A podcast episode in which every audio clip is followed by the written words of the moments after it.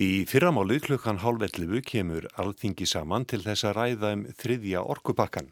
Þetta er framhald á síðari umræðum þingsáluktun sem fresta var í júni. Þá hafðu þingmenn miðflokksins rætt einir um orkupakkan í marga daga og haldið hátt í 300 ræður. Samkómulag tókst loks milli formanna þingflokkana um að fresta umræðu þar til á morgun 28. ágúst. Umræðu á að ljúka klukkan 8 annað kvöld.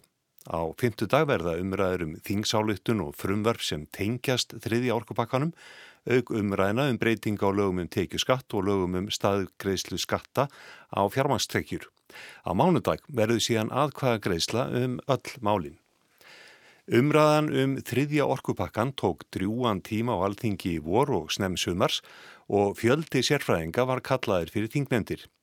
Bæði utaningismálanemnd og atvinnuveganemnd kölluðu til sérfræðinga og álitskjafa á opnafundi nú í ágúst og nú lítur út fyrir að máli verði loks afgreitt á alþingi á mánudag.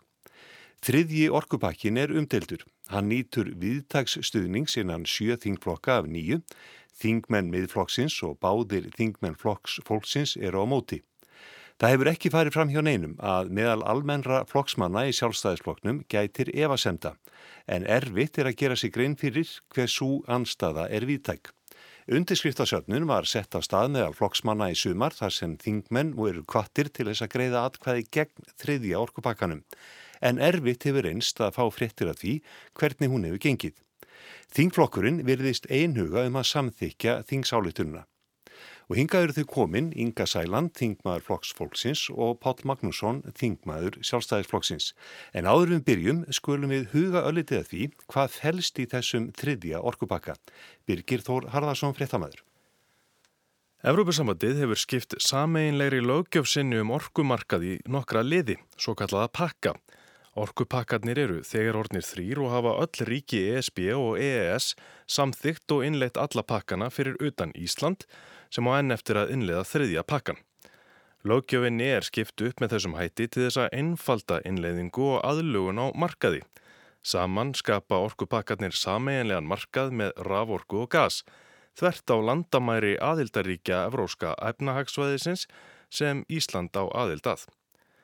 Fyrsti pakkin var samþygtur á tíunda áratugnum en þar hófst vinna við að gera orkumarkaði í Evrópu aðgengilegri fyrir nýja samkeppni enda höfðu markaðsráðandi fyrirtæki ráði þar lögum og lofum. Annar pakkin var samþyktur 2003 en með honum var neytendum treyður réttur til þess að velja frá hvaða framleiðanda þeir keiftu raforku eða gas. Þriði orkupakkin var afgreittur úr Evrópuþinginu árið 2009 en með honum er frjáls samkeppni treyð á nýjum innri markaði Evrópusambatsins með raforku og gas þvert á landamæri aðildaríkjana. Markmiðum reglugerðarinnar er skipt í fimm þætti.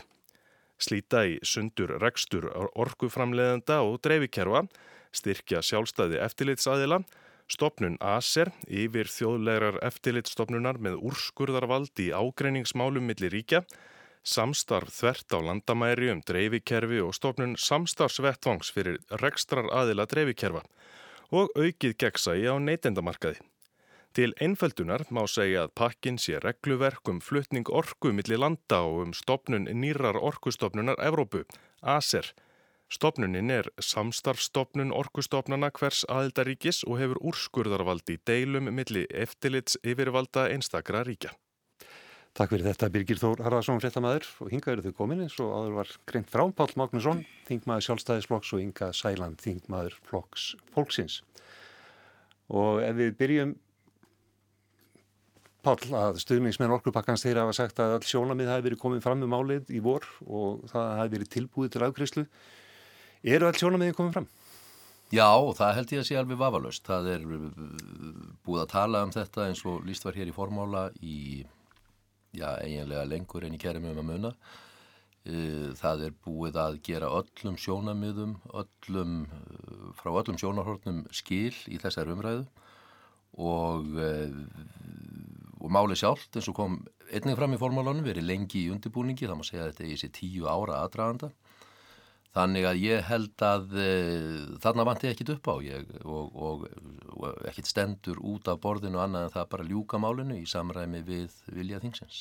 Inga, kom eitthvað nýtt fram núna í þessu þingli? tvekja á holsmána þingliði?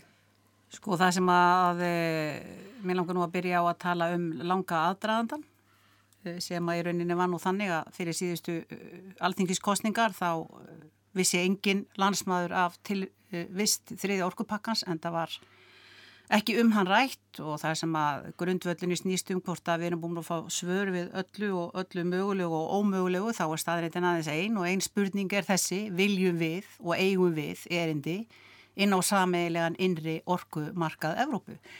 Nú e, það sem gerðist nú í sumar sem er nú aðteglina virði er það að það kviknaði nú ljós e, meða landsmanna almennt og, og, og á, á þessari þessari vegferð sem við erum, erum uh, komin á núna í sambandi við orkumál. Og við sjáum það bursið frá fulltrúa líðræðinu og kjörnum fulltrúum og meiri hluta fyrir máluninu og allting íslendinga að þjóðin er eh, meira en klófin í málinu, það er stóru meiri hluti þjóðarana samkvæmt skoðanakonunum sem kæri sér ekkert um þetta og þá er bara spurningin þessi hvers vegna, bara einn spurning sem ég hef ekki gett að fengið svar við fyrst að allt er nú komið upp á borð, hvers vegna í veröldinni höfum við ekki látið reyna á samningsstöðu okkar gagvart EES-samningnum, hvers vegna lögðum við ekki máli fyrir sameilu EES-nemdina, hvers vegna höfum við ekki bent á okkar sérstöðu og okkar afvorkumarkað og hvers vegna erum við á þessari vegferð. Er nú eiginlega, þetta, eru, eru spurningar sem að mér ætti nú gaman að, að hérna, einhver geti svarað af, af þeim stjórnarliðum sem í rauninni róa af því öllum árum að koma okkur undir eh, yfir þjóðlegt eh, bóðvald með orkun okkar. Pál, þú uh, hafði nú evasendir hérna fyrir á þessu ári. Hvað hefur breyst? Já, ég hafði þegar málið kom til umræðu fyrir ári, rúmu fyrst, þar að segja í fyrra haust, þá uh, hafði ég talsverðar evasendur um málið og lísti þeirri skoðun minni að eins og málið blasti við þá, þá gæti ég ekki stutta. Og það var engum af þremur ástæðum. Í fyrsta lagi virtust vera áhöldum það eh, hvort að í pakkanum fælist eitthvað stað valda framsala það væri ekki samræmi við stjórnarskrána. Í öðru lagi e, virtist ekki vera alveg ljóst þá hvar endanlegt vald, ákvörðunarvald um það hvort lagður eru þið sæstrengur eða ekki, hvar það lagi.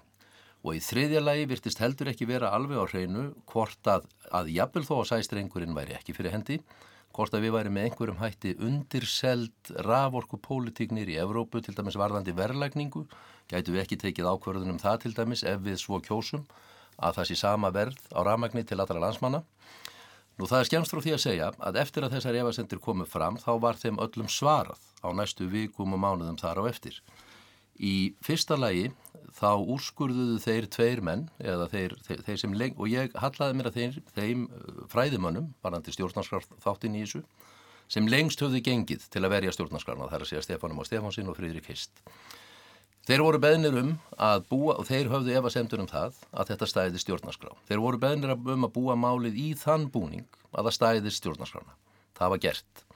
Í öðru lagi likur svo fyrir sameinlegu skilningur orkumálastjóra Evrópu og okkar hér að endanlegt ákvörðun á valdum það hvort lagður verði sæstrengur og við tengjumst þessu sameinlega kerfi, hvort að hann verði lagður eða ekki, endanlega ákvörðun um það, endanlegt ákvörðun á vald likur bara hjá alþingi Íslendinga og hverki annars þar. Og í þriðja lagi likur það fyrir að meðan ekki er sæstrengur að þá eru við í engu undirselt þessari raforkupólitíknir í Evrópu.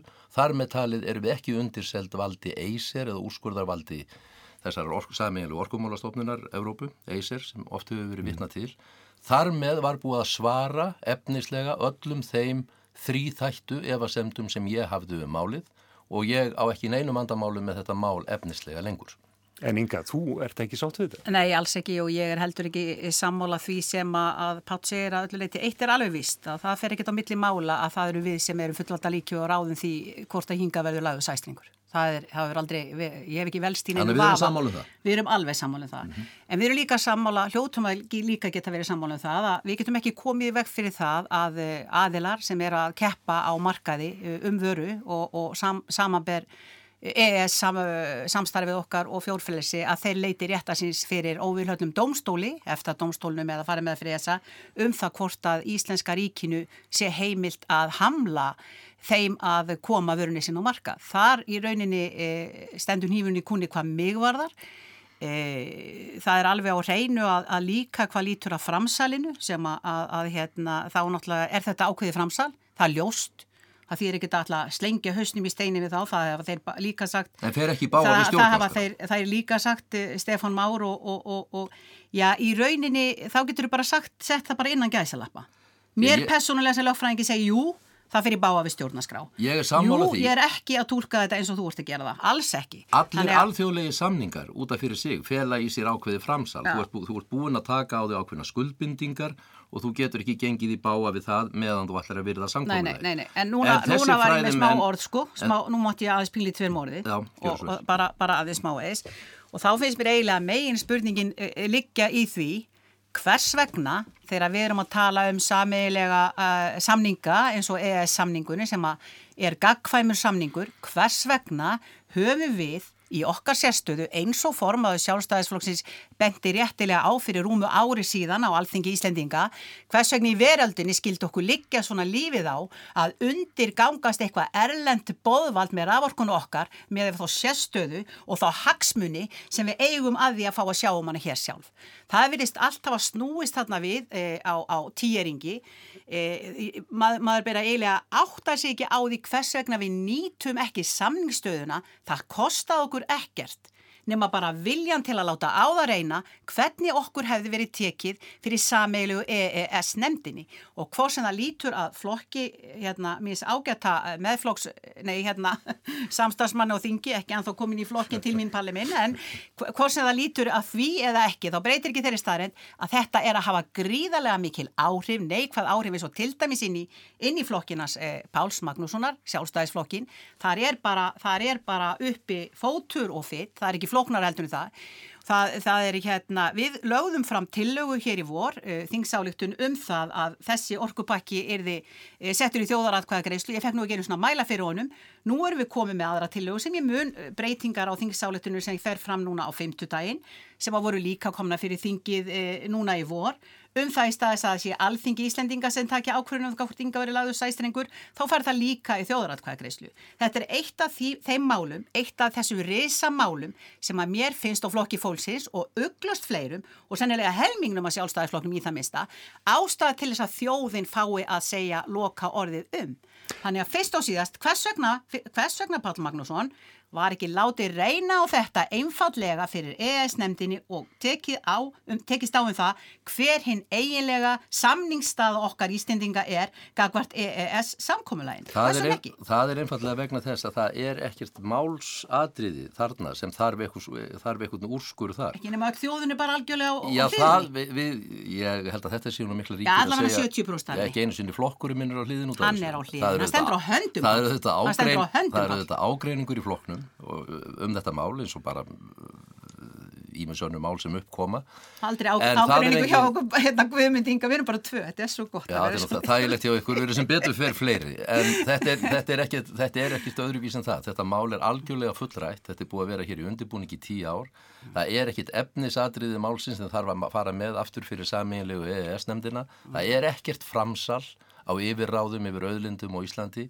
Það eru engar skuldbindingar, engar, við erum ekki að undirgangast erlend vald í, í sambandi við okkar raforkumál eða nýtingu á auðlindum eða auðlindirna, nei við erum heldur ekki að því. Nei og uh, þannig að fyrir mér liggur þetta mál óskup einfallega ljóst fyrir og ekki títi fyrirstöða að afgreða það bara núna á næstu dögum eins og til stendur. Já, ég sé að ynga hristir höfuði en við komumst ekki leið. Nei, nei, bara einn punktur. Gera hans ekki grein fyrir að miðflokkurinn er að skora 30% í kjördaminni þínu, Pál. Hvers vegna skildi það nú vera? Já, við, Pál, við skulum býða með að svara þessu. Því að ég, takk fyrir Inga Sæland og Pál Magnusson.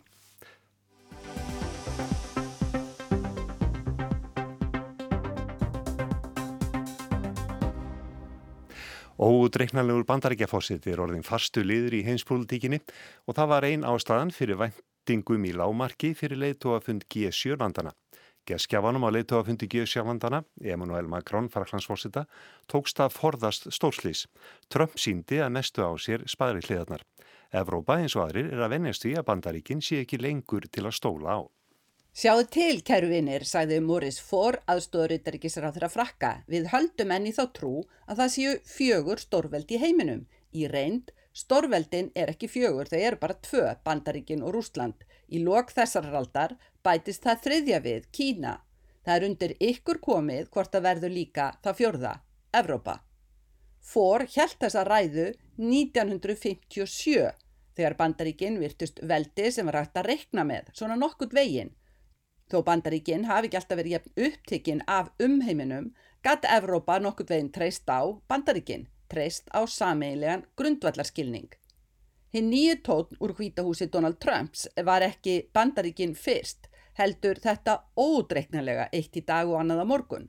Nokkurum dögum áður en Trump flög á leðtóafund G7 landana í bóði Emmanuel Macrons, fraklandsforsetta, sendi Trump Evrópabúum heldur kaldar kveðjur frá einum af þessum fjöldafundum sem Trump hefur haldið frá upphafi síðustu kostingabaráttu. By the way, the European Union is worse than China, just smaller.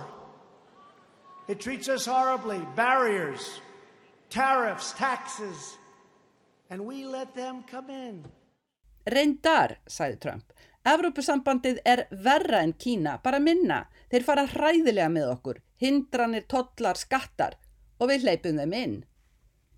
Með þessi skilabóði eironum tók Macron á móti Trump.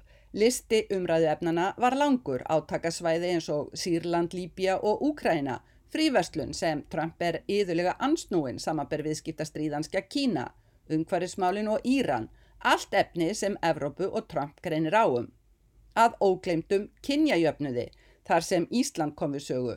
Jafnlaun af vottunin íslenska var að sögn kynnt leðtónum. Annað mál hvort vottunin verður tekin upp í Trump fyrirtækjum. Aðstóðarmenn Trumps viðruðu fyrir fundin óanæju með að jaðarmál eins og umhverfismál og kynjajöfnur yrðu rætt. Það hefur spurst út að besta ráðið í samskiptu við Trump sé sigur húðað hrós en líka í lagi að vera röglega ósamalónum. Brettar voru spenntir að sjá hvernig Boris Johnson, fórsætsráð þeirra, tæki á Trump á þessum fyrsta fundið þeirra eftir að hann var fórsætsráð þeirra. Stæða nær Trump en Evropuleitónum sem hann á í Brexit-deilum við. Nei, Johnson var á Evróskulínunni og morgun verða fundans með Trump nýttan í fórsetan fyrir viðskiptastriði við Kína. I congratulate uh, the president on everything that the American economy is achieving. It's fantastic to, to see that, but just to register the faint sheep-like note of uh, our, our view on the, on the trade war. We're in favor of trade peace on, on the whole. Johnson óskaði bandaríkja fórsetið til hamingu með árangurinn í bandarísku efnaðslífi alveg frábært. Hins vegar vildi hann skjóta að skoðun breyta á viðskiptastriðinu. Breytar almennt lindir viðskipta friði. Fríverslun hefði gagnast Breitlandi stórvel undan farin 200 ár. Eitt leðtóafundur án stórsleisa leysir ekki vandan í samskiptum Evrópu og Bandaríkjana.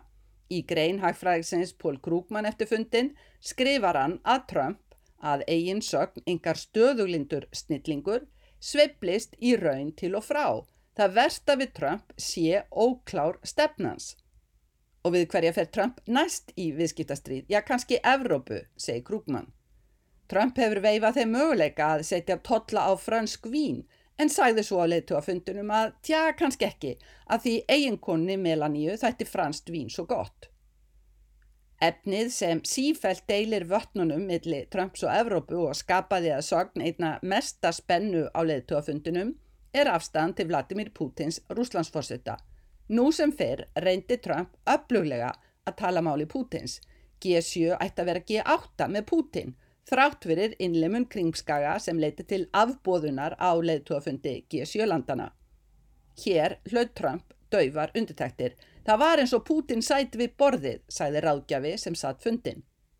Á bladamannafundinum eftir leiðtúafundin var Trump spurður hvort hann sem gestgjafi G7-fundarins að ári myndi kannski bjóða Putin. Trump sló úr og í. Í Íslands heimsókn í sumar sæði Jens Stoltenberg, framkvæmdastjóri Atlasasbandalagsins, að á tímum ódreiknalegs bandaríkjaforsetta mætti beina aðtiklinni að gjörðum bandaríkjana, ekki aðeins orðum. Úkræna er áhugavert dæmi. Trump sínir hvorki Úkrænu nýja krímskaga nokkurt minsta áhuga. Samt hafa bandarísk yfirvöld sendt vopp til Úkrænu og hert viðskiptabann tengt Úkrænu á rúsa. Macron getur anda léttar fundunum lokið og Evrópa æfir sig áfram í að lifa við bandaríkjaforsetta sem er erfitt að henda reyður á. Sigrún Davíðsdóttir sagði frá.